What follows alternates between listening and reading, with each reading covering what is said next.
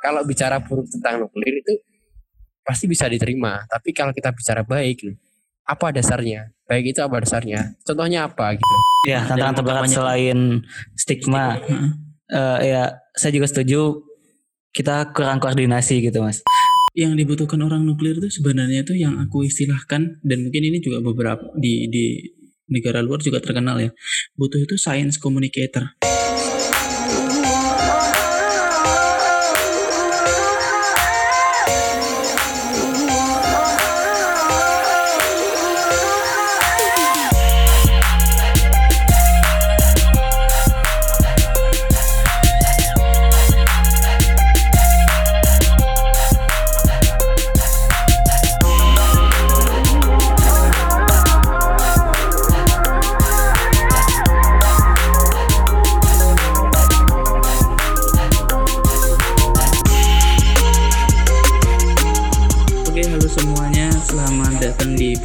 Bicara Nuklir, podcast pertama di Indonesia yang ngebahas tentang teknologi nuklir.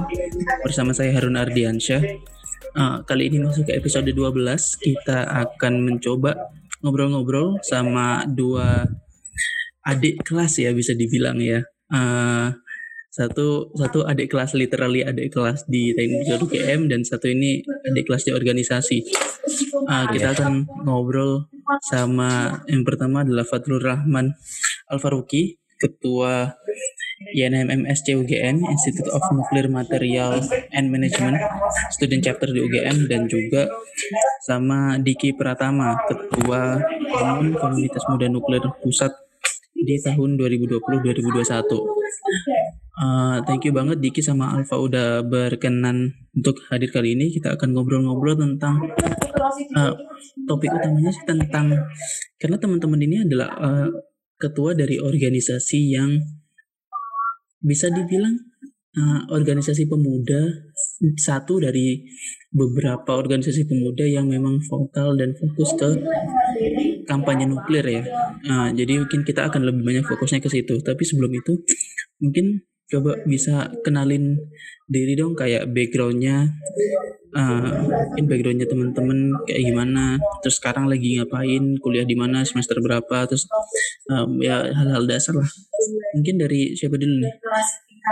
Monggo. Dari Mas Faru sudah saya monggo monggo Alfa dulu deh coba. Oh, oke oke. Okay, okay. hmm. uh, perkenalkan saya Alfa uh, Fatlawan Al Faruqi, mahasiswa Teknik Nuklir uh, angkatan 2016. Uh, saya kebetulan sebagai uh, presiden Institute of Nuclear Material Management uh, student chapter UGM. Uh, saya sekarang itu uh, di semester 8 nah ini mau masuk semester 9 lebih kayaknya empat tahun. santai.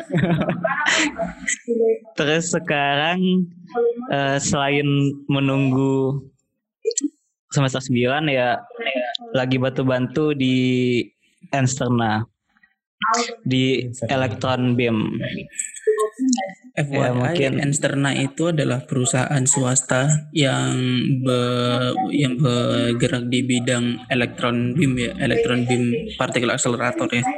Dan baru yeah. berdiri memang uh, dan sedang berkembang nih.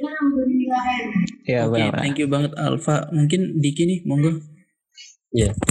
Ya, yeah. perkenalkan saya Diki Pratama dari Universitas Erlangga uh, menempuh program studi uh, radiologi. uh, radiologi untuk, baru tahu. Iya. Untuk fakultas apa, sorry? masuknya di vokasi, Mas, D4. Oh, oke okay, oke okay, oke okay. Iya. Sekarang sedang menempuh semester 8. Jadi ya ini masih mengerjakan skripsi sih. Hmm. Jadi saya akan secepatnya aja selesai. Nah, itu untuk sekarang alhamdulillah dianugerahi eh dianugerahi diamanahkan sebagai eh, ketua umum komunitas sudah nuklir nasional periode 2020-2021 ya eh, untuk kesibukannya sekarang yaitu sih masih eh, apa namanya mencoba metode yang bisa diterapkan saat metode daring seperti ini di komun dan juga sambil mengerjakan tugas skripsinya. Oke, uh, mungkin beberapa orang mungkin kurang familiar ya tentang dua organisasi yang teman-teman ketuai. Mungkin bisa dikasih deskripsi singkat gak sih sebenarnya Komun sama INMM ini sebenarnya organisasinya apa, bergerak di bidang apa, terus uh, kiprahnya udah kayak gimana, dan juga di masa lalu dan uh, ya di, di masa lalu sih apa-apa apa yang apa-apa aja yang udah dicapai gitu. Uh, mungkin karena tadi udah dari Alfa mungkin dari Diki dulu dari komun itu kalau misalnya ada orang yang nanya komun itu apa sih Diki? Gimana biasanya? Uh, kalau komun sendiri uh, merupakan uh, komunitas ya sebenarnya komunitas yang mewadai aspirasi pemuda-pemuda yang berminat uh, tentang kenukliran dan sini kita coba uh, mewadai dan di mana di sini uh, visi misi atau tujuan kita di sini adalah apa namanya menyampaikan. Istilahnya kita berusaha menyampaikan dampak positif ataupun negatif dari nuklir. Pokoknya di sini kita mencoba mengedukasikan nuklir kepada masyarakat yang tepat guna. Jadi eh, bagaimana nuklir di sini bisa bermanfaat bagi masyarakat Indonesia sih. Jadi hmm jadi uh, kalau ditanya komun itu apa ya jadi komun ini adalah sekumpulan uh, pelajar atau mahasiswa yang memang uh, berminat di bidang nuklir dan ingin mempelajari lebih tentang nuklir dan ingin mengedukasikan nuklir kepada masyarakat. Sekarang udah ada di mana aja tuh di uh, tuh range? Jadi sebenarnya jadi sebenarnya uh, untuk wilayah komun sendiri sebenarnya ada lebih dari 11 sih tapi beberapa itu memang ada yang vakum kepengurusannya eh, bisa, tidak bisa dibilang vakum juga cuman uh, kegiatannya sedang off gitu. Jadi untuk sementara ini ada 9 wilayah. Di komun wilayah itu ada 9 jadi meliputi yang pertama dari Pulau Sumatera itu ada komun Palembang lalu ada di kalau di kalau di Pulau Kalimantan itu ada komun Kalbar dan juga komun Kaltim uh, untuk di Jawa sendiri ada Komun Tangsel, ada Komun Solo, Komun Semarang, Komun Yogyakarta, Komun Malang, dan Komun Surabaya. Yang agak? Aku lupa nah, deh. Untuk sementara ini sih itu sih mas. Jadi kalau untuk nantinya mungkin ke depan uh, Insya Allah ya untuk periode ini kemungkinan akan ada komun lagi. Insya Allah mungkin uh, kalau tidak berhalangan mungkin ada akan akan ada kaum Jember dan akan ada kaum Medan Oh oke okay. nice nice insya Allah ya Oke okay, itu tadi tentang komun ya sekilas ya Nah Alfa mungkin bisa diceritain mungkin INMMS UGM ini apa sih Fa sebenarnya Fa? Jadi berbeda dengan komun itu yang berangkat dari uh, apa aspirasi orang-orang yang yang masukkan nuklir terus ya bikin komunitas. Kalau kami di INMM itu jadi NMM itu sebuah organisasi, ya mungkin pesannya di Amerika ya. Itu udah berdiri 1958. Nah, kami ini itu student chapternya gitu. Untuk uh, di UGM. Dan jadi untuk di UGM, di UGM sih? Ya, cuman ada di UGM. Okay. Di ASEAN juga cuman ada di Indonesia kayaknya. Mungkin yang terdekat itu ada di uh, apa? Di Korea, ada di KAIS. India ada uh, sama di Jordan kayak kayak gitu. Hmm. Uh, Anam sendiri itu ada dua chapter, ada profesional chapter sama student chapter. Untuk di UGM sendiri itu mulai terbentuk tahun 2014. Hmm. Itu bermula dari uh, adanya keinginan dari kita UGM untuk meningkatkan apa meningkatkan kapasitas SDM gitu. Jadi bagaimana supaya mahasiswa teknik mahasiswa eh, teknik nuklir itu dari jenjang kuliah sudah mulai mengerti tentang keamanan nuklir, eh, budaya keamanan, HRP dan lain-lain. Oke, jadi fokusnya lebih ke kayak riset tentang budaya keamanan gitu-gitu ya? Ya, tentang uh, keamanan nuklir gitu mas, nuclear security. Oh oke, okay. riset tentang nuclear security. Ya. Oke deh, menarik dan memang INMM ini ini ini FYI fun fact juga. Aku sebenarnya kan dulu ketika aku jadi mahasiswa S1 kan pernah bergabung di kedua organisasi ini ya. Meskipun aktif Iya, iya. nggak aktif sih kayak kayak anget-anget ayam lah sebenarnya aku keaktifannya itu. Aku pernah dulu ngebantuin di Komun Jogja aku pernah ngebantuin di NMM pas awal-awal dia berdiri tapi kayak nggak nggak banyak juga aku sumbangsihnya Ah, so, Oke, itu tadi tentang organisasinya yang dikit ya. Ah, aku mau coba tarik mundur dikit sih tentang ke pribadi pribadi teman-teman sih kayak eh, di awal apa sih yang mendasari kalian itu ingin masuk ke dunia nuklir? Apa yang bikin kalian bersemangat ketika ngurusin hal-hal yang berkaitan dengan nuklir atau bahkan sekarang membantu mengkampanyekan nuklir itu? Kayak gitu mungkin gimana Fa? Kalau Alfa dulu. Eh, aku dulu kalau ditanya kenapa sih milih nuklir ya? Hmm, hmm, intinya. Ya itu kembali ke jadi dulu waktu SMA kelas kelas satuan gitu. Kelas satu SMA eh aku sebenarnya di doktrin sama ayahku gitu. Jadi yang ngenalin nuklir ke aku tuh ayahku. Eh, ayahku bilang eh mending coba ngambil fokus di nuklir aja nanti gitu. Soalnya ayahku bilang apa kayak minyak sudah mau habis kayak gitu-gitu dan Oh, dan nuklir bisa jadi solusi gitu. Ya aku Hmm, hmm. karena aku bilang gitu ya coba ngulik-ngulik lebih dalam tentang nuklir. Terus waktu lulus SMA nguatin niat oh ya udah ya akhirnya sampai di sini udah tahun keempat sekarang kayak gitu.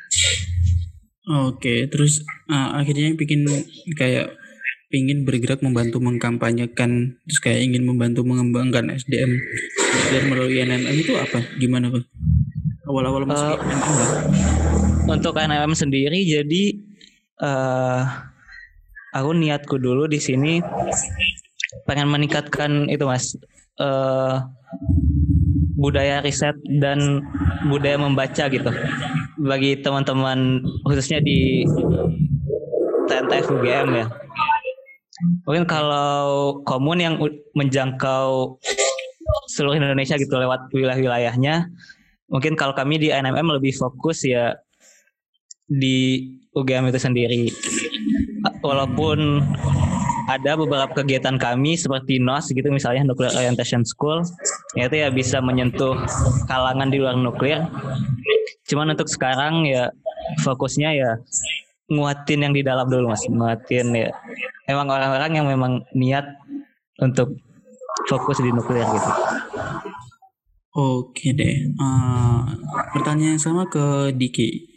Kenapa sih uh, dari awal udah radiologi tuh? Sejujurnya aku baru tahu tuh radiologi kalau ada di UNER ya.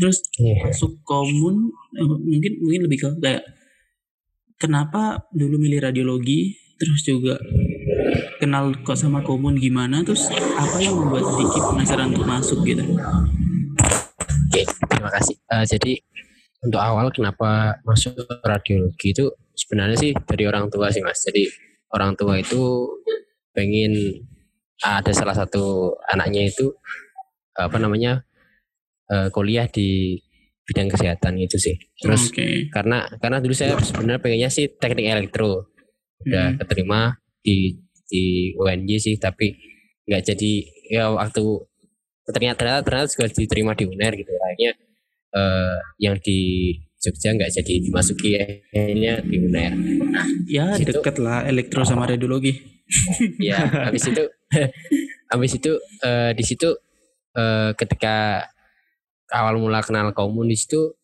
eh, sebenarnya eh, saya juga nggak tahu sih dulunya itu eh, organisasi awal organisasi atau mungkin komunitas yang mewadai mahasiswa lah utamanya untuk eh, pengen tahu tentang nuklir itu saya sebenarnya kurang tahu namun ada pada saat 2017 kalau nggak salah 2017 itu eh, komunitas muda nuklir Surabaya kan baru baru diresmikan Hmm. Iya, baru baru diresmikan.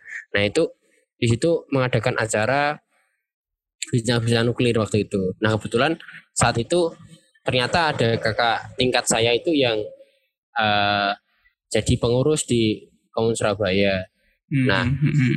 berangkat dari situ akhirnya eh, saya tertarik itu ikut ikut itu wah ikut BPN itu nah akhirnya eh, kan eh, agak kurang informasi lah saya akhirnya dari 2017 ke 2018 itu saya baru join 2018 nah awal awalnya kenapa kok saya pengen cari-cari organisasi ataupun komunitas yang di sini biar saya bisa bisa lebih tahu? Dan saya sih pengennya memang dari awal ingin mengedukasikan sih ke masyarakat. Karena memang di radiologi sendiri kan eh, ya seperti kita ketahui kan eh, stigma yang berkembang di masyarakat itu mungkin nanti kalau di ronsen atau di pemeriksaan radiologi itu nanti bisa mandul gitu kan.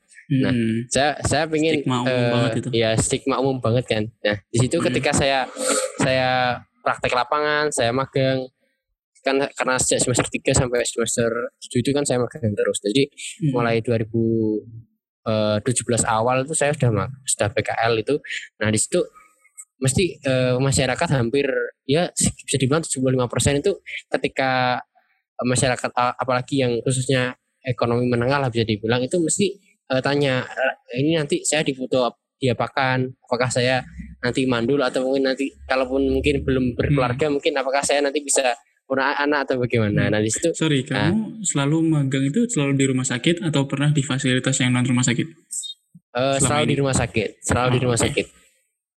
Jadi eh udah waktu itu akhirnya saya ya ketika ada pasien yang bertanya seperti itu, makanya saya edukasikan, saya eh, berikan pengertian. Nah, biar bagaimana eh, pasien itu bisa tenang dan bisa apa namanya menerima jawaban dan ter, ah, istilahnya pertanyaan itu ter, eh, ter- terjawab terjawab lah. Nah di situ Iya, iya. eh, berangkat pemikiran saya kalau di sini setiap pasien katakanlah bertanya seperti itu, nah kenapa saya nggak coba cari sebuah organisasi atau mungkin komunitas yang mungkin bergerak di bidang karena radiologi merupakan salah satu uh, bentuk implementasi nuklir di bidang kesehatan. Jadi saya coba cari komunitas yang memang eh, berkecimpung di sini. Nah akhirnya Hmm. Nah, ternyata ada komun, saya baca-baca sekilas, ternyata ada program kerja yang namanya eh, Nu- Nuclear Justice School dan ada bincang-bincang nuklir juga, terus ada eh, mungkin eh, apa namanya sosialisasi juga ke masyarakat. Nah, di situ akhirnya saya oh dengan di sini ketika saya bisa masuk sini, eh, otomatis saya bisa eh, menularkan lah eh, apa bisa mengembangkan eh, ketidaktahuan saya mungkin yang saya kurang tahu atau mungkin saya di sini bisa lebih bicara kepada siswa lah utamanya di sini tentang eh, apa namanya radiologi itu sendiri karena radiologi itu juga eh, implementasi dari nuklir sendiri dan ketika saya bicara radiologi ke teman-teman SMP ataupun SMA katakanlah di situ nah mungkin ketika teman-teman masih usia dini nah itu pemikirannya tentang nuklir itu sudah mulai berubah gitu. Jadi Hmm. eh, jadi eh, terbangun mulai terbangun stigma-stigma positif di situ. Kayak gitu jadi Oke. eh, saya tertariknya di situ. Terus ini ini tadi menarik nih tentang yang disampaikan Diki bahwa ada banyak uh, pemanfaatan nuklir utamanya yang kayak di bidang medis gitu kan yang masih dipandang dipandang tabu lah istilahnya ya kalau sama masyarakat ya. Tapi uh, dari situ aku pengen penasaran tentang pendapat teman-teman. Menurut teman-teman gimana sih kayak pemanfaatan nuklir di Indonesia itu menurut teman-teman sudah oke kah atau masih terbatas atau kayak gimana menurut teman-teman pemanfaatan di ya apa teknologi nuklir itu sendiri ya bukan bukan cuma tentang reaktor tapi tentang kayak ya untuk medis untuk industri untuk apa pun itulah. Menurut teman-teman sudah cukupkah atau masih terbatas-kah atau gimana? Monggo yang mau duluan siapa nih? Saya duluan aja monggo monggo.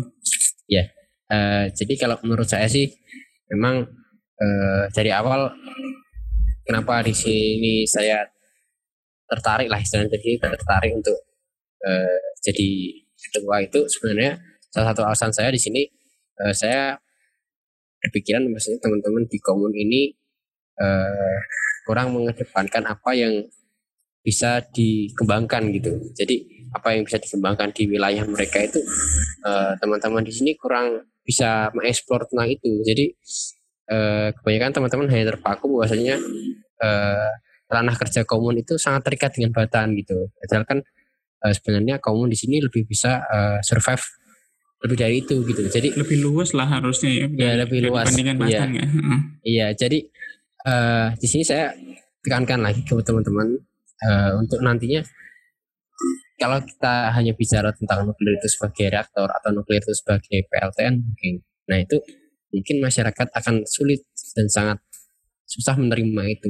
Nah saya ibaratkan kemarin di sini ketika teman-teman eh ya masyarakat ataupun teman-teman SD, SMA ataupun mahasiswa gitu yang istilahnya di sini tidak mendapatkan materi tentang fisika ataupun nuklir katakanlah seperti itu. Nah itu mungkin ketika hanya mengetahui nuklir sebatas PLTN atau reaktor, nah kita ya akan susah mengedukasikan itu karena dari awal memang dari pelajaran SD ya mungkin bisa dibilang nuklir tercermin bahwasanya nuklir itu adalah senjata pembunuh gitu di Hmm. Oke. pelajaran SD sejarah nuklir itu eh, erat kaitannya dengan kemerdekaan Indonesia tentang Hiroshima dan Nagasaki gitu. Nah, di Hmm. situ kan eh, pasti akan tercermin stigma buruk. Nah, apalagi tentang terakhir ini corona gitu. Nah, corona ini bahkan eh, kak saya beberapa kali eh, berbincang-bincang juga dengan eh, tem- apa, masyarakat sekitar rumah saya di Bojonegoro itu lebih dari 50 orang lah yang saya ajak bicara itu hampir sekitar Wow. 70 persen lah. 70 persen itu mengatakan ada yang berpendapat biasanya selain mungkin itu eh, apa namanya mutasi dari virus itu sendiri. Nah, kebanyakan mereka itu bilang bahwasanya ini pasti eh, nuklir reaktor nuklir di Cina ini bocor terus ada virus ini. Nah, seperti itu. Nah, di situ kan eh, apa Aku namanya? sejujurnya aku belum pernah dengar loh yang ini. Ini menarik banget Ya, Aku Jadi- juga. Kok bisa? Jadi ini pasti ada reaktor nuklir di Cina itu bocor terus akhirnya membuat uh, virus lah membuat virus di situ bermutasi lebih cepat gitu. Jadi Oke. jadi tem- uh, jadi masyarakat itu lebih apa lebih lebih sering membahas itu daripada uh, segi kedokterannya gitu. Jadi kayak gitu. Oke, nah, oke. di situ berangkat dari situ akhirnya saya coba apa namanya tekankan ke teman-teman bahwasanya jangan bilang nuklir itu PLTN ataupun reaktor. Kalau teman-teman lagi Sak- bilang Hmm. eh, ya jangan saklek lah, jangan saklek atau mungkin Hmm. eh, terlalu terfokus dengan itu. Jadi eh, semisal di sini ketika teman-teman bicara tentang kepada teman apa masyarakat di pertanian gitu katakanlah mungkin eh, untuk sementara ini untuk di salah satu keon wilayah itu memang sedang apa namanya mencoba mengedukasikan tentang pertanian gitu. Jadi eh, ketika tem- eh, teman-teman bicara sama petani, nah itu kita coba kenalkan produk-produk yang sudah teruji dan Sudah diiradiasi. sudah di sudah diiradiasi dan juga memang produk-produk ini eh, sudah diedarkan gitu. Jadi tapi pengetahuan tentang petani tentang produk ini itu masih sedikit. Jadi eh, harapannya di sini komun itu bukan sebagai apa namanya eh, sebagai apa ya sebagai sebagai mahasiswa yang istilahnya di sini pengen tahu tentang nuklir saja, tapi bagaimana komun ini berperan sebagai penjembatan antara eh, Batan sebagai riset di sini kepada masyarakat gitu karena eh, saya juga beberapa kali survei di apa namanya di masyarakat di Lamongan ya utamanya di sini di Lamongan dan juga di sidoarjo. Itu memang eh, kelompok taninya itu udah bisa menerapkan padi varietas mukibat sigenuk dan ada juga besar bestari kalau nggak salah. Nah itu memang di sana diunggul itu. Dan tanahnya di situ memang bisa ditanam itu. Nah tapi BTW itu adalah produk yang ya. dibikin sama Batan ya. Batan. Iya dibikin ya. sama batan sama pair ya. Jadi itu Hmm. kan petani nggak tahu, petani nggak tahu kalau itu eh, hasil dari rekayasa nuklir lah katakan seperti itu. Nah, tapi ketika mereka tahu bahwa produk itu unggul dan istilahnya di sini tahan hama dan kualitasnya bagus, bulirnya besar dan hasil panennya juga melimpah. Nah, ketika itu baru ketika sudah ada hasilnya gitu, kita coba coba Pak coba pakai ini satu peta aja. Nah, kira-kira dibandingkan dengan yang lain unggul mana? Nah, ketika para petani itu sudah memberikan testimoni kita seperti itu dan memberikan hasil apa eh, pernyataan tentang hasil dari padinya tersebut. Nah, itu baru kita jelaskan. Ini produknya eh, Batan apa hasil iradiasi, eh, hasil rekayasa nuklir Nah, jadi nuklir itu bukan cuma uh, katakanlah mungkin bukan cuma bom pak, nuklir itu bukan cuma apa namanya reaktor PLTN yang sering dibicarakan di TV atau mungkin uh, persenjataan, tapi nuklir itu juga bisa berbentuk untuk padi seperti ini. Nah itulah yang saya harapkan di sini ditanamkan oleh teman-teman yang ada di komun-komun wilayah. Jadi misal di Malang pun juga ada buah-buahan kan di situ bisa okay. dimasukkan edukasi bahwasanya buah-buahan pun juga bisa awet kalau dia iradiasi. Nah itu saya hmm. tekankan di situ agar teman-teman bisa mengeksplorasi itu dan teman-teman bisa mengedukasikan ke wilayah-wilayah masing-masing itu tentang apa yang ada di wilayah sekitar mereka gitu. Jadi uh, ketika itu bisa terlaksana, otomatis di situ akan lebih banyak orang-orang yang berubah stigma negatif tentang itu menjadi itu yang bisa uh, bermanfaat dan bisa diimplementasikan dalam kehidupan. Jadi Oke, okay, baik baik. Jadi memang oh, poin poinnya bisa tuh bilang kayak yang mau disampaikan Diki ini kayak sebenarnya sebenarnya nuklir itu nggak cuma tentang PLTN doang gitu loh tapi banyak banyak hal-hal yang nggak terekspos tapi sebenarnya udah dilakukan sama utamanya sama Batan yang perlu lebih diekspos lagi eh, kepada masyarakat gitu kan sehingga stigma yeah. tentang nuklir itu jadi sedikit uh, apa itu namanya istilahnya jadi nggak nggak sepenuhnya buruk gitu. Iya. Oke, okay, kalau dari NMM sendiri, Fa, ini kita masih ngebahas tentang itu ya, kayak menurut menurut Alf, menurut IMMM, menurut INMM, menurut Alfa sendiri kayak pemanfaatan nuklir di Indonesia menurut INMM dan menurut Alfa sudah sampai di level mana nih pemanfaatannya? sudah cukupkah atau ada lagi yang perlu dikembangkan atau apa lagi yang perlu dipromosikan gitu mungkin? Uh, Oke. Okay. Uh, aku pribadi cukup uh, menarik tadi sih yang disampaikan Diki ya. Tentang ya kalau bicara tentang PLTN ya masih buruk gitu stigmanya. Dan juga perkembangan PLTN di Indonesia ya naik turun gitu. Ada RDE yang udah kayak mau jadi tiba-tiba nggak jadi terus sekarang ya Batan kan lagi itu ya uji apa studi tapak juga kan PLTN di Kalbar. Yang masuk itu ya program riset nasional kan sekarang itu. Oke. Okay. dan itu ya ada wacana tentang itu lagi. Terus yang terbaru yang yang sempat Mas bilang tadi yang Tarkon yang Pak Bob. Menurut saya kalau bicara PLTN ya ya gitu bakal pasang surut mengikuti dinamika politik gitu. Oke, okay. hmm. masih belum jelas. Ya dan sebenarnya itu juga kesempatan buat kita gitu kayak yang Diki sampaikan ya kita memperbaiki stigma tentang nuklir ya lewat produk-produk nuklir yang lain gitu. Contohnya kan kayak di conference IAEA uh, Batan itu kan sering mempromosikan ya tentang produk-produk mereka yang udah diiradiasi gitu.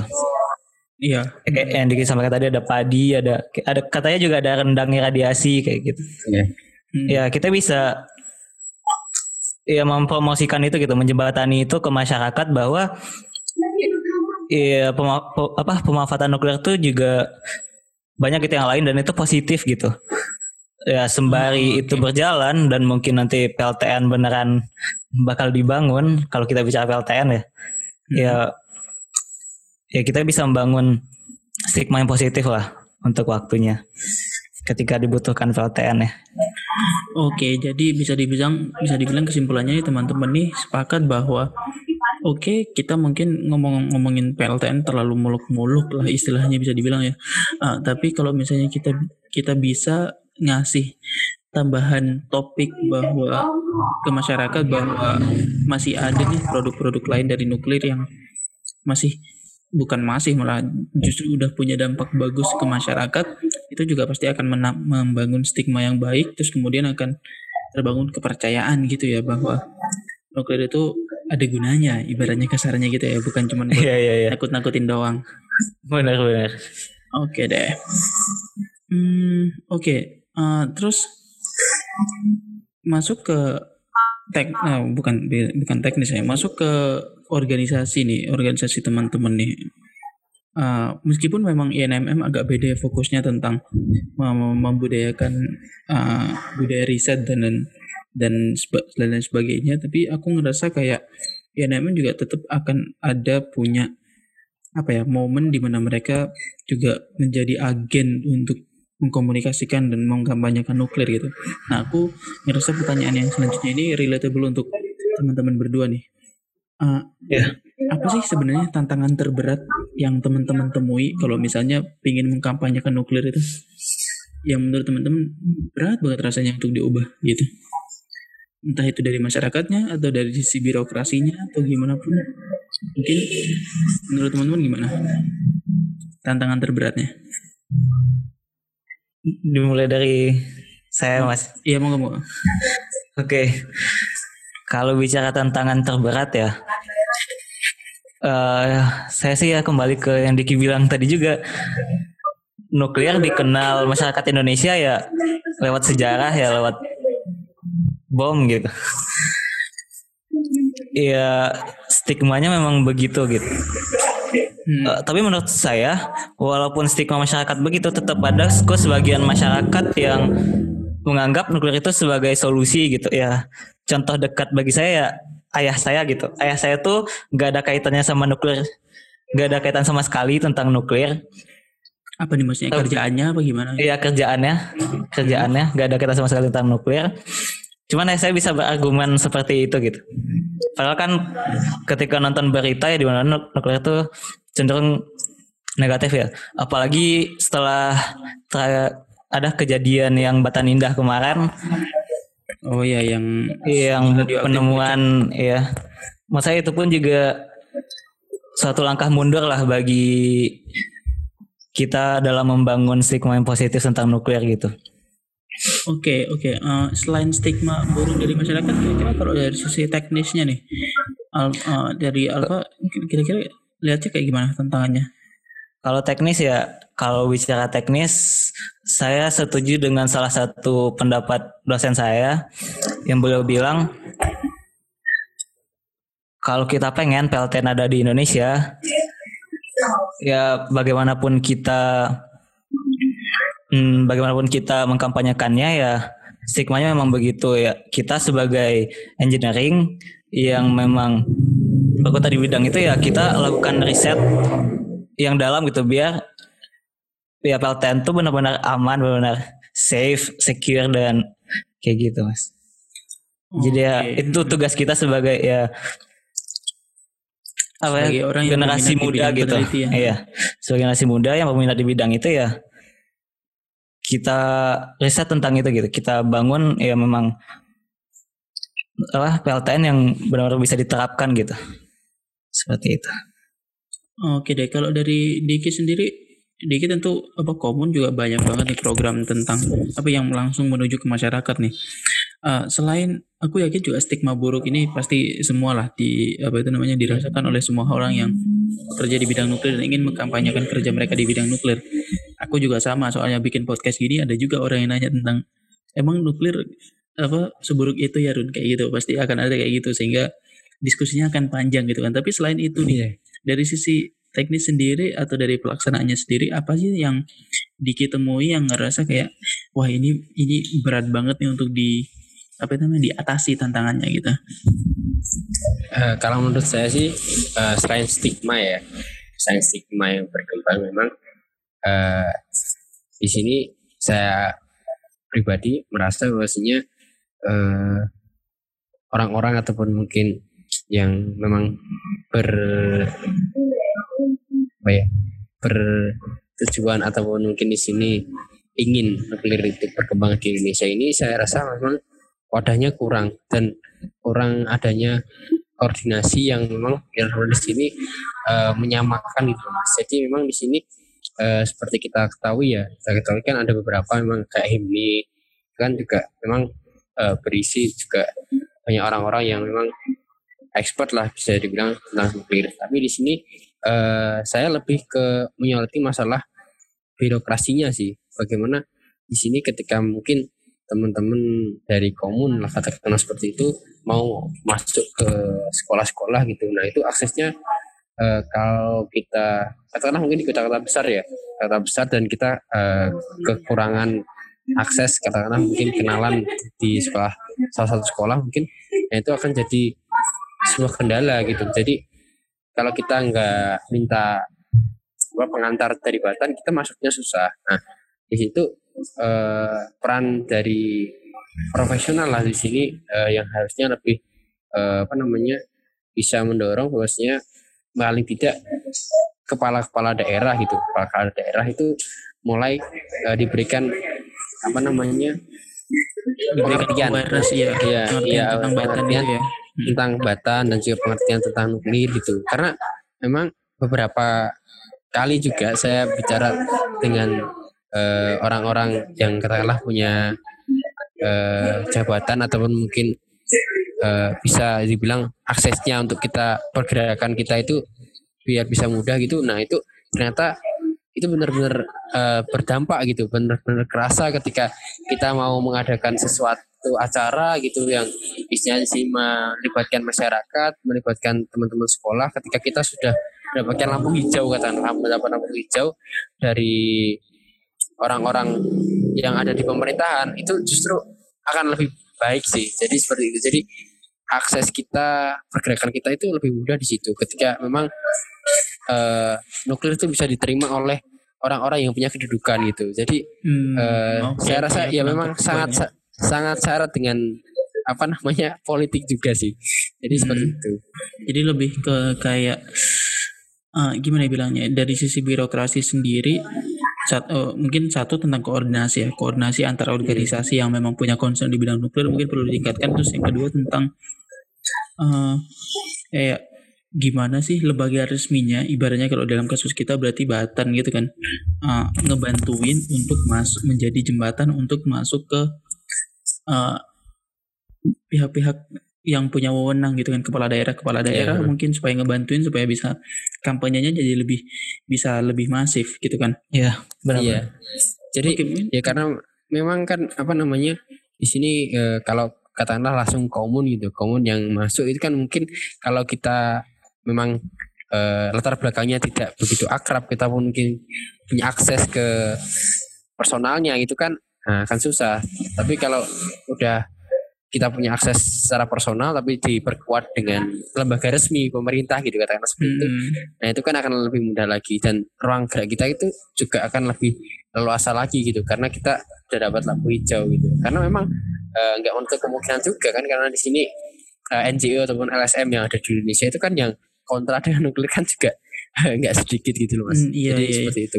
btw btw ngebahas tentang itu ya aku jadi jadi penasaran nih Eh, mungkin dari teman-teman pernah nggak sih eh, berada dalam satu forum atau dalam satu apa gitu misalnya yang teman-teman berada dalam satu ruang yang di mana itu ada teman-teman yang dari Komon atau NM ada juga orang yang dari kontra nuklir gitu terus ada diskusi gitu pernah nggak sih pernah mengalami itu nggak sih Pernah sih saya kalau saya sih pernah. oh kamu pernah Gi- boleh diceritain Iya. kayak gimana tuh Eh, jadi eh, mungkin di situ eh, bagaimana teman-teman yang kontra gitu ya kontra dengan nuklir di sini kan memandangnya tentang efek nuklir ketika mungkin meledak gitu dan teman-teman eh, Divine NGO. meledak berarti berarti mereka mikirnya kayak udah jadi PLTN-nya terus tiba-tiba PLTN-nya malfunction terus meledak gitu ya. Iya, kecenderungannya kan memang eh, ya bisa dibilang eh, dampak negatifnya nuklir itu kalau ada mungkin eh, sebuah ketidaknormalan atau mungkin itu kan imbasnya itu akan besar gitu loh mas. Jadi mungkin eh, zat radioaktif yang tercemar ataupun mungkin eh, ledakan dari mereka selalu bilang tragedi Fukushima gitu. Nah seperti itu. Hmm. Nah, jadi beberapa kali juga saya eh, sempat apa namanya terlibat diskusi juga dengan teman-teman yang mungkin ada di sosial media gitu yang kontennya tentang yang melebih-lebihkan tentang Fukushima. Apalagi kemarin sempat ada peringatan Fukushima itu kan. Nah, itu banyak banyak Oh iya rame konten, banget itu. iya Hmm. konten yang isinya di situ membesar-besarkan eh, yang nilai ra- apa zat radioaktif zat radioaktif yang ada di Nagasaki dibandingkan dengan di Fukushima terus Nagasaki sekarang Nagasaki dan Hiroshima sudah bisa ditempati nah kira-kira Fukushima kapan nah, itu ada yang yang nulis angkanya sampai dua puluh ribu tahun gitu nah itu dasarnya apa gitu kan saya Hmm. saya kan juga mempertanyakan itu dasarnya Hmm. apa nah jadi kecenderungan teman-teman dan juga masyarakat itu kan kalau bicara buruk tentang nuklir itu pasti bisa diterima. Tapi kalau kita bicara baik, apa dasarnya? Baik itu apa dasarnya? Contohnya apa gitu. Jadi lebih ke seperti itu. Nah, di sini uh, beberapa kali memang uh, terlibat diskusi dan kita juga sajikan uh, jurnal dan data yang mungkin yang memang di sini uh, dampak kematian lah akibat uh, pembangkit listrik gitu. Ya itu hmm, itu yang paling simpel sebenarnya paling gampang paling dicari simpel dan paling gampang dicari. Nah hmm. itu nah itu kan memang di situ ter, uh, riset sudah beberapa kali juga. Itu nuklir yang paling rendah. Hmm. nah juga di sini nuklir di sini memang dari segi pembiayaan memang besar tapi kontinu dan jangka panjang gitu dan uh, bisa dibilang uh, di sini juga ramah lingkungan juga di situ hmm. nah di sisi lain juga uh, kita sempat debat masalah tentang itu sih bagaimana tidak mencari uh, energi alternatif lain katakanlah mungkin di Indonesia ada sinar matahari surya ya surya dan juga okay. uh, air apa air gitu hmm. ataupun angin gitu nah hmm. tapi kita coba bandingkan itu apakah di uh, angin gitu angin itu akan ada sepanjang tahun gitu nah dan juga apakah air itu kan memang kalau untuk skala secara kecil memang bisa tapi kalau untuk skala industri kan masih kurang gitu seperti itu, itu. dia nah hmm. nah kalau kita juga bicara panel surya gitu akan ada berapa panjang gitu akan ada berapa panjang panel surya yang terpasang hanya untuk apa namanya uh, mengaliri listrik di salah satu industri gitu. Nah itu kan juga efisiensinya kan juga kurang. Gitu. Dan belum dan Jadi, belum tentu juga matahari muncul setiap hari. Ya. ya. ya. matahari belum tentu juga muncul setiap hari juga. Hmm. Nah di situ. Jadi uh, kita coba bandingkan seperti itu dan ya mungkin kalau di beberapa kali teman-teman juga akhirnya uh, keluar dari diskusi gitu. Jadi ketika ditanya mau dipasang di mana, kalau misal uh, katakanlah angin, angin ada di pantai selatan lah katakan seperti itu. Hmm. Nah, apakah dari pantai selatan mau dialiri ke mau dialirkan uh, ke Bojonegoro mau, misalnya banyak ya, industri ke gitu? Bojonegoro, gitu. Iya. Hmm. Sepanjang pantai selatan mau dipasang kincir angin semua gitu katakanlah seperti hmm. itu. Nah, itu yang jadi itu kan karena memang di sini uh, energi yang dihasilkan itu kan masih sangat sangat kalah jauh lah kalau dibanding intermittent ya, ya dia tergantung iya, iya. tergantung kondisi banget gitu ya tergantung kondisi ya hmm. alam dan juga itu kan juga uh, tidak menentu gitu nah okay. itu, tapi ya kebanyakan teman-teman itu malah akhirnya ya itu karena mereka mungkin kurang bisa menjawab itu ataupun mungkin tidak ingin terlalu berdebat mungkin juga hmm. juga akhirnya mereka kebanyakan juga keluar dari menarik menarik menarik ngebahas tentang gimana teman-teman bisa bukan dibilang mencoba mengcounter ya tapi kayak mencoba untuk berdiskusi dengan teman-teman yang kontra dengan nuklir alfa ada pengalaman gak pak yang kayak gitu pak Nah kalau langsung sih belum pernah mas. Oh, belum pernah ya? Hmm. belum pernah nemu. Oke oke oke kita akan menarik nih kalau misalnya nanti aku akan undang seseorang yang kontra nuklir untuk kita coba iya, iya. bahas bareng nih. Itu emang menarik sih ketika. iya. Soalnya itu juga masih di Surabaya itu kan juga ada anggota komun dulu ya.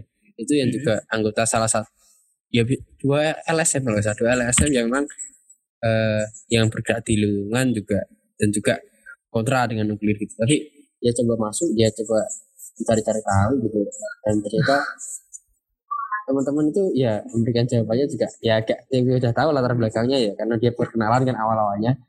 Ya kenalan dan di situ oh akhirnya ya teman-teman di situ agak ketika memberikan jawaban dan apa apa itu tidak masuk. Ya kira-kira yang dia itu belum tahu gitu. Nah di situ ketika dia tahu akhirnya ya dia lebih sering diam gitu. Ada sih yang beberapa gitu ya. karena emang kalau kita lihat di mahasiswa ya mahasiswa di Indonesia gitu kan kebanyakan kalau semester awal gitu semester satu dua atau empat lima lah hmm. itu memang eh, kebanyakan kan haus organisasi gitu jadi kebanyakan hmm. banyak ikut organisasi tanpa tahu ini eh, arah kerjanya ke mana terus tujuannya apa terus output yang dicapai ketika dia join itu kan kebanyakan mereka ikut karena pengen memang terlihat banyak di CV terlampir gitu sih mungkin kalau okay, menurut saya sih pribadi iya, seperti bener. itu. Jadi dasarnya ikut organisasi atau komunitas itu memang belum kuat sih kalau mayoritas mahasiswa di Indonesia sih kalau menurut saya pribadi. Oke baik baik. Mas boleh namain dikit mas? Kan kalau balik lagi ke pertanyaan mas Arna deh kalau kita balik sedikit ke belakang uh, apa gitu kendala kita eh, Tantangan terberat dalam- lah ya. Ya, tantangan terberat selain stigma. Heeh. Eh, ya, saya juga setuju kita kurang koordinasi gitu, Mas. Jujur saja saya ketemu Diki ya berhubungan langsung kayak gini coba itu ya, baru di sini gitu. baru di Hmm, podcast iya. yang yang dipertemukan gitu.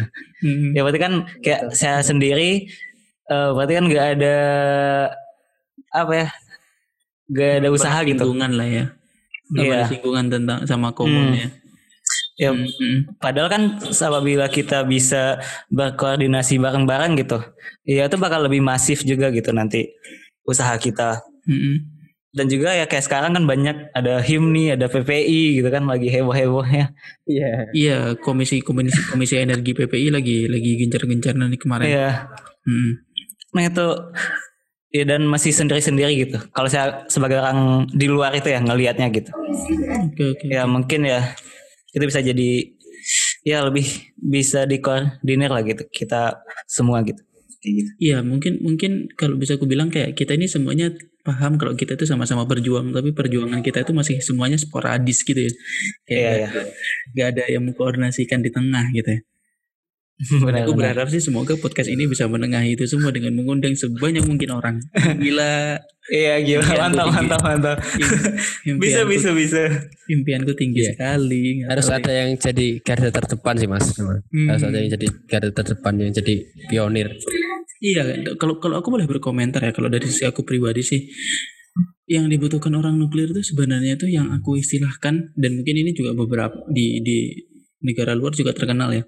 Butuh itu science communicator. Orang Hmm. yang bisa orang yang bisa mengkomunikasikan sains dengan baik gitu. Soalnya eh, apa ya kayak orang memandang bukan ini kayak orang memandang orang pintar itu kayak jauh banget gitu kayak Iya. orang yang kayak bahasanya tinggi banget padahal padahal enggak gitu loh. Mereka semua juga manusia yang bi- harusnya bisa mengkomunikasikan apa yang mereka inginkan gitu loh. Iya, itu sih yang menurutku kurang. Makanya nanti ya aku juga akan coba bahas nih dengan salah satu narasumber lain yang nanti mungkin di season baru aku akan bahas ke salah satu narasumber yang punya apa ya portal sains yang bisa dibilang bisa dibilang pionir tentang mengkomunikasikan sains di Indonesia. Tapi itu nanti di season 2 Oh, jadi tunggu aja nanti ditunggu ditunggu ditunggu. Iya. Oke nih, eh, ini eh, bisa dibilang mungkin terakhir ya. Jadi eh, sebagai penutup juga deh, thank you banget nih udah udah produktif banget diskusinya kita. Eh, aku mau nanya tentang rencana dan event ke depan aja sih, kayak Komun dan INMM ada apa nih di tahun-tahun ini nih? Dan dan gimana kalian menghadapi kayak suasana pandemi kayak gini? Mungkin kalian bisa cerita perjuangan kalian selama pandemi terus juga apa aja yang pingin kalian kerjakan nantinya habis ini gitu kan monggo siapa dulu nih Oke mungkin Mau- ya dari Mas Diki dulu. kalau Diki kan kalau nggak salah kamu komun lagi munas ya sekarang ya lagi periode periode Iya. Nah, Ya, jadi ya memang sih karena kita eh, apa namanya kebiasaan kan offline ataupun ketemu langsung tetap muka gitu.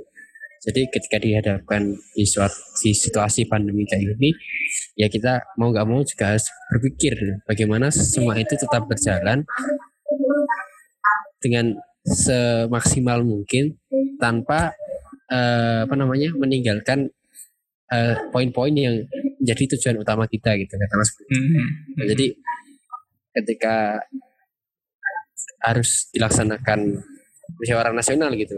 Nah, eh, sebisa mungkin dan semaksimal mungkin saya juga harus bisa mencari treatment gitu, treatment buat bagaimana munas ini tetap berjalan, bagaimana diskusi tetap berjalan dan apa namanya poin-poin yang dihasilkan dari munas ini benar-benar bisa dipertanggungjawabkan dan juga bisa menjadi sebuah eh, apa namanya dasar lah atau mungkin mungkin hmm, cuan dari pergerakan kaum ke depan itu. Nah, eh, untuk munas sih mungkin itu. Jadi memang kalau pasang surut dari dan juga antusias dari teman-teman itu teman-teman itu kan juga akan akan apa namanya juga pasang surut juga. Tapi di sini saya coba eh, cari metode dan kira-kira apa yang bisa dievaluasi dari tiap-tiap terminnya. Jadi eh, karena munasnya itu dilaksanakan dalam sehari atau dua hari atau mungkin satu atau satu minggu, saya rasa di situ memang kurang efektif. Nah, jadi hmm, eh, dari komun kemarin uh, dari teman-teman panitia merancang itu dibagi menjadi termin-termin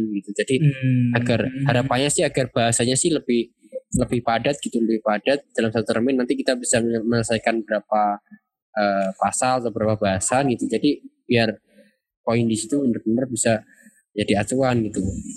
Itu yang ya, itu, itu dengan dengan menggunakan termin-termin itu antusiasmenya cukup lah ya. Cukup uh, bagus lah ya.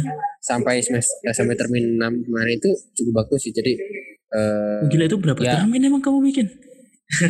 agak, sampai ya, kemungkinan sih kemungkinan uh, nanti ada delapan kalau nggak sembilan sih. Jadi, oh ya, wow, udah mau berakhir lah ya. Sampai diselesaikan sih. Hmm. Jadi uh, biar nantinya uh, apa namanya AD ataupun ART itu benar-benar bisa ya bisa dipertanggungjawabkan dan benar-benar matang lah. Jadi begitu. Jadi okay. saya sih mandangnya sih nggak nggak perlu itu sih ya terburu dengan waktu juga karena memang hmm. kondisi kita juga pandemi ini jadi uh, aktivitas teman-teman di rumah kan kita juga nggak bisa memprediksi kalau misalnya uh, secara umum dari kampus. Nah, nah ini kan teman-teman kan juga ada di rumah dan kesibukannya kan juga ada keluarga dan lain sebagainya. Jadi ya kita cari waktu longgar bersama yang bisa bareng-bareng gitu ya, agar kita juga bahasnya nah kayak gitu. Okay. Nah itu itu. Hmm, selain Jadi selain kedep- Monas ke depannya? Nah ke depannya sih uh, saya juga udah merencanakan dengan teman-teman komun dan juga sudah sempat komunikasi juga dengan uh, orang-orang Batan bahwasanya uh, di sini saya pengen ketika karena memang kita di sini harus ada kegiatan edukasi gitu mm-hmm. edukasi nah kita sistemnya ketika biasanya kita nuklir khusus school itu uh, dilaksanakan secara tatap muka nah kita coba dengan metode daring gitu kayak gitu. Oh nah, kerjasama jika, dengan sekolah ya? Ya itu sama dengan sekolah. Jadi dan juga kemarin saya juga sempat ngasih masukan juga uh, dengan uh, orang-orang Batan bahwasanya kalau Maksudnya setiap PDK tahap, nih pusat diseminasi ya PDK ya. PDK itu bagaimana uh, ketika biasanya teman-teman SMA atau mahasiswa itu kan setiap tahunnya kan pasti ada kunjungan reaktor gitu hmm. kunjungan ke reaktor Kartini entah itu di Kartini entah itu di Bandung entah itu di Serpong gitu hmm. nah di situ nah di situ uh, kan kan kondisinya lagi pandemi. Di sini uh, kemungkinan besar kan nggak mungkin kan ada kegiatan kunjungan reaktor dalam setahun, setahun ke depan gitu. Nah saya uh, kemarin uh, sudah sampaikan ke PDK bahwasanya bagaimana kalau dibuat uh, kunjungan reaktor tapi secara online gitu. Jadi ada memang kan di sana kan tetap ad, uh, pekerja kan tetap masuk karena ada yang tetap hmm. masuk. Nah di situ bagaimana bikin vlog maksudnya menggunakan hmm. sudah nah, kuduga akhirnya ke vlog ya Allah. Nah, aku udah mikir loh dari tadi. Aku aku mikir loh dari oh kamu arahnya ke mana? Kayak aku mikir ini bakal ke Terus, vlog apa gimana gitu. Oh bener vlog nah, ternyata. Nah setelah itu juga ternyata dari PDK punya inisiatif bahwasanya nanti mau hmm. dibikin uh, sebuah yaitu kayak virtual reality sih VR kan internet internet laboratori bukan bukan ya beda lagi ya, ya beda lagi kali jadi oh, okay. uh, eh, bagaimana di situ nanti uh, apa namanya biar bisa di nanti katakan uh, mungkin akan dicoba juga dengan teman-teman komun rencananya jadi sebelum nanti di apa namanya di uh, umumkan ke teman-teman yang ada di sekolah atau mungkin di mahasiswa nanti insya Allah akan dicobakan dulu di teman-teman gitu jadi uh, sejauh mana uh, teman-teman pemahaman teman-teman ketika itu berjalan secara daring gitu hmm. dengan yang biasanya offline jadi seperti itu Terus okay. ke depan sih rencana edukasi tetap jalan dan saya juga memang menekankan bahwa di sini uh, apa namanya pergerakan di wilayah masing-masing karena memang di sini kita akses keluar kota itu kan masih ya cukup riskan lah bisa dibilang begitu. Jadi hmm. yang di dalam kota di dalam wilayah di kota itu ada mas. Nah kita coba langsung ya menyasar ke masyarakatnya gitu. Jadi uh, kalau memang di sini dibutuhkan suatu produk atau produk yang bisa dijadikan media untuk edukasi, nah, kita hmm. coba nanti komunikasikan juga dengan pihak PTK gitu agar oh, okay. uh, katakanlah mungkin uh, dalam setahun ini mungkin uh, kita bisa mengedukasi ke beberapa petani tentang produk uh, varietas padi atau mungkin Oke, kita bisa ke, ke pisang gitu katakanlah pisang Hmm. irama itu nah mungkin uh, rendang dan lain sebagainya itu nanti masih kita pikirkan lagi tapi kita utamakan di sini bahwasanya dalam setahun ini kita pergerakannya uh, secara wilayah lebih ke wilayah jadi kita menguatkan apa yang ada di wilayah kita mengedukasi utamanya di lingkungan keluarga sih kan keluarga Oh, ya gitu iya, iya. ya, semua. kita kasih kita uh, Hmm. mencoba riset beberapa metode yang memang bisa diterima dengan baik oleh masyarakat entah itu mungkin Hmm. dalam metode permainan atau mungkin media uh, apa namanya tebak-tebakan atau mungkin Hmm. media gambar ataupun video jadi seperti itu lebih tapi bagaimana kita bisa tetap edukasi jalan di situ di kondisi pandemi karena mungkin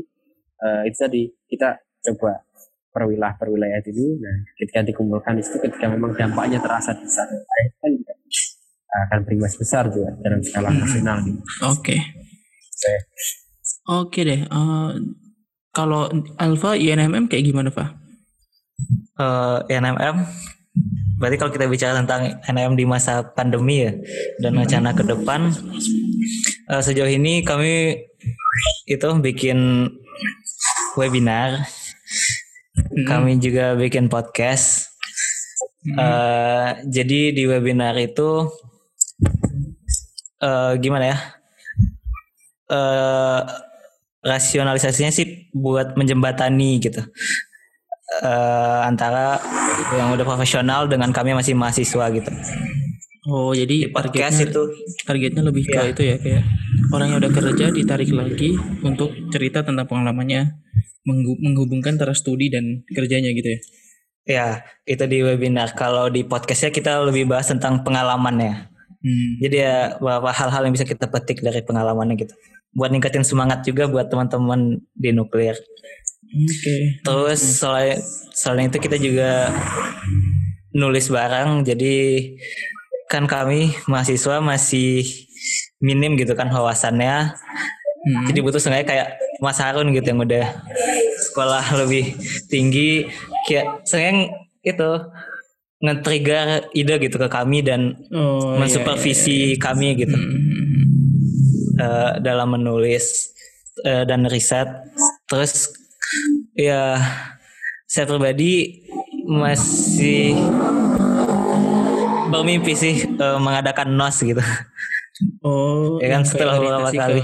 Ya, tapi- Nuclear Orientation School. Hmm. Kok orientasi Saya kan- ke sekolah bukan bukan bikin Bukan, orientasi bukan. tentang nuclear security ya? Sorry sorry. Iya. Jadi kan eh kalau komun yang beberapa kegiatannya memang langsung menyasar ke masyarakat ya, ke anak-anak sekolah. Kami kan beberapa kegiatan kami memang cenderung ke mahasiswa data NTF dan cuman di NOS ini salah satunya yang kami juga bisa menyasar ke memang sebelum masyarakat luas tapi beberapa mahasiswa dengan berbagai latar belakang ilmu gitu. Oh, oke. Iya. Nice, nice. Jadi kita bisa mengkampanyekan nuker juga. Ya Hmm. semoga bisa terlaksana. Oke deh, semoga. Uh, Ada tanggapan dikit mas ya. Hmm. Eh, kalau untuk di Yogyakarta sih memang eh dari teman-teman kaum Jogja ya udah kemarin sempat diskusi juga masalah yang berfusi itu kalau saya itu ada program yang namanya berfusi di mana di situ teman-teman dari mahasiswa mahasiswa eh, keluarga mahasiswa ya keluarga mahasiswa dari berbagai jurusan gitu. Entah itu fisika teknik nuklir gitu. Itu STTN lah STTN dan juga teman-teman UPN teman-teman Mhm. UNY nah, nah di situ teman-teman eh, melakukan apa namanya kerjasama gitu. Tentang bagaimana perkembangan nuklir gitu. Jadi saya, saya kemarin ikutinya bahwasanya eh, ada kesepakatan bahwasanya di situ nantinya teman-teman itu apa namanya kan di sini Komun Jogja memang lagi apa pesat lah produksi konten tentang kedokteran di sosial media Hmm, itu cukup hmm. pesat. Nah di situ kerjasamanya juga dengan itu dari antar ma- antar komun juga dan juga mahasiswa STN, mahasiswa UPN dan juga mahasiswa UNY kalau nggak salah. Nah juga kemungkinan juga ada mahasiswa dari UNY juga sih kalau nggak salah. Nah mungkin itu eh, bisa dikolaborasikan lagi nanti biar dinarasikan dengan teman-teman dari sih dari itu. Kalau untuk kalau untuk apa namanya eh uh, ma total mahasiswanya gitu ya. Total mahasiswanya mungkin yang join itu kan juga banyak karena memang ada beberapa himpunan yang tergabung dalam itu. Kalau nggak salah empat kalau nggak lima himpunan sih karena yang join itu besar. Oh, jadi mungkin nanti oke okay. itu gabung dalam koneksinya Kumon Jogja gitu ya? Iya, jadi kemarin mm -hmm. uh, udah ada kesepakatan gitu loh dalam uh, satu periode ke depan nah, kemungkinan itu akan terjadi kerjasama gitu. Karena kemarin udah sempat juga ada acara berfusi itu. Jadi bagaimana uh, teman-teman itu uh, kerjasama bagaimana apa namanya menyikapi nuklir perkembangan nuklir di Jogja. Karena memang teman-teman di sini menganggap Jogja itu uh, tempat pendidikan lah tempat pendidikan tentang kenukliran gitu. Jadi uh, sayang gitu kalau semisal teman-teman di Jogja itu ternyata nantinya malah hanya studi tentang kenuklirannya aja tanpa di sini. Mungkin bisa dikoordinasi dan juga memberikan dampak ke sekitar gitu. Jadi maupun di Indonesia sebenarnya uh, kita mahasiswa yang pengen belajar tentang nuklir pengen mengembangkan nah kita harus koordinasi gitu. Jadi makanya terbentuklah yang namanya profesi gitu jadi itu untuk di kaum Jogja sih. Oke okay, nice. Ah. Oke, okay, thank you banget ya semuanya produktif banget nih kita uh, diskusinya. Uh, memang sih untuk kita yang anak-anak muda ini membantu mengkampanyekan nuklir itu emang halangan pertama itu pasti tentang stigma deh. Terus yang kemudian itu juga yang mungkin bisa jadi bikin kita nggak semangat gitu kan. Terus juga kita juga harus mencari banyak banget peluang kolaborasi entah itu antara dari kita sendiri, dari organisasi-organisasi yang udah ada dan juga dari birokrasi-birokrasi yang bisa nanti membantu melancarkan kita untuk membantu mengkampanyekan nuklir gitu kan uh, itu itu sih emang pasti akan menjadi kerja yang berat tapi mau nggak mau harus kita lakukan karena kita semua passionate dengan ilmu yang dengan apa bidang yang kita sedang kita minati ini. Jadi ya Uh, thank you banget teman-teman udah sharing dan semoga bermanfaat sharingnya. Semoga ada ajakan untuk berkolaborasi lebih lanjut. Akan sangat menyenangkan nih kalau misalnya dari sini bisa bisa ada kolaborasi antara INM dan Common di aku akan yeah. sangat bangga dengan diriku sendiri. Iya iya. Oke. Eh, oke, thank ma makasih banget udah berkenan dan untuk teman-teman semua yang mendengarkan ini adalah episode terakhir dari season 1 uh, eh, podcast bicara nuklir uh, dari sini aku akan break dulu karena akan menjalani semester yang berat di kuliahku. Jadi nanti aku akan kembali lagi dengan topik-topik yang menye lebih menyenangkan dan narasumber-narasumber yang semoga sih lebih bikin memantik diskusi teman-teman untuk berbicara mengenai nuklir lebih banyak lagi. Terima kasih dan sampai jumpa di lain kesempatan. Bye bye.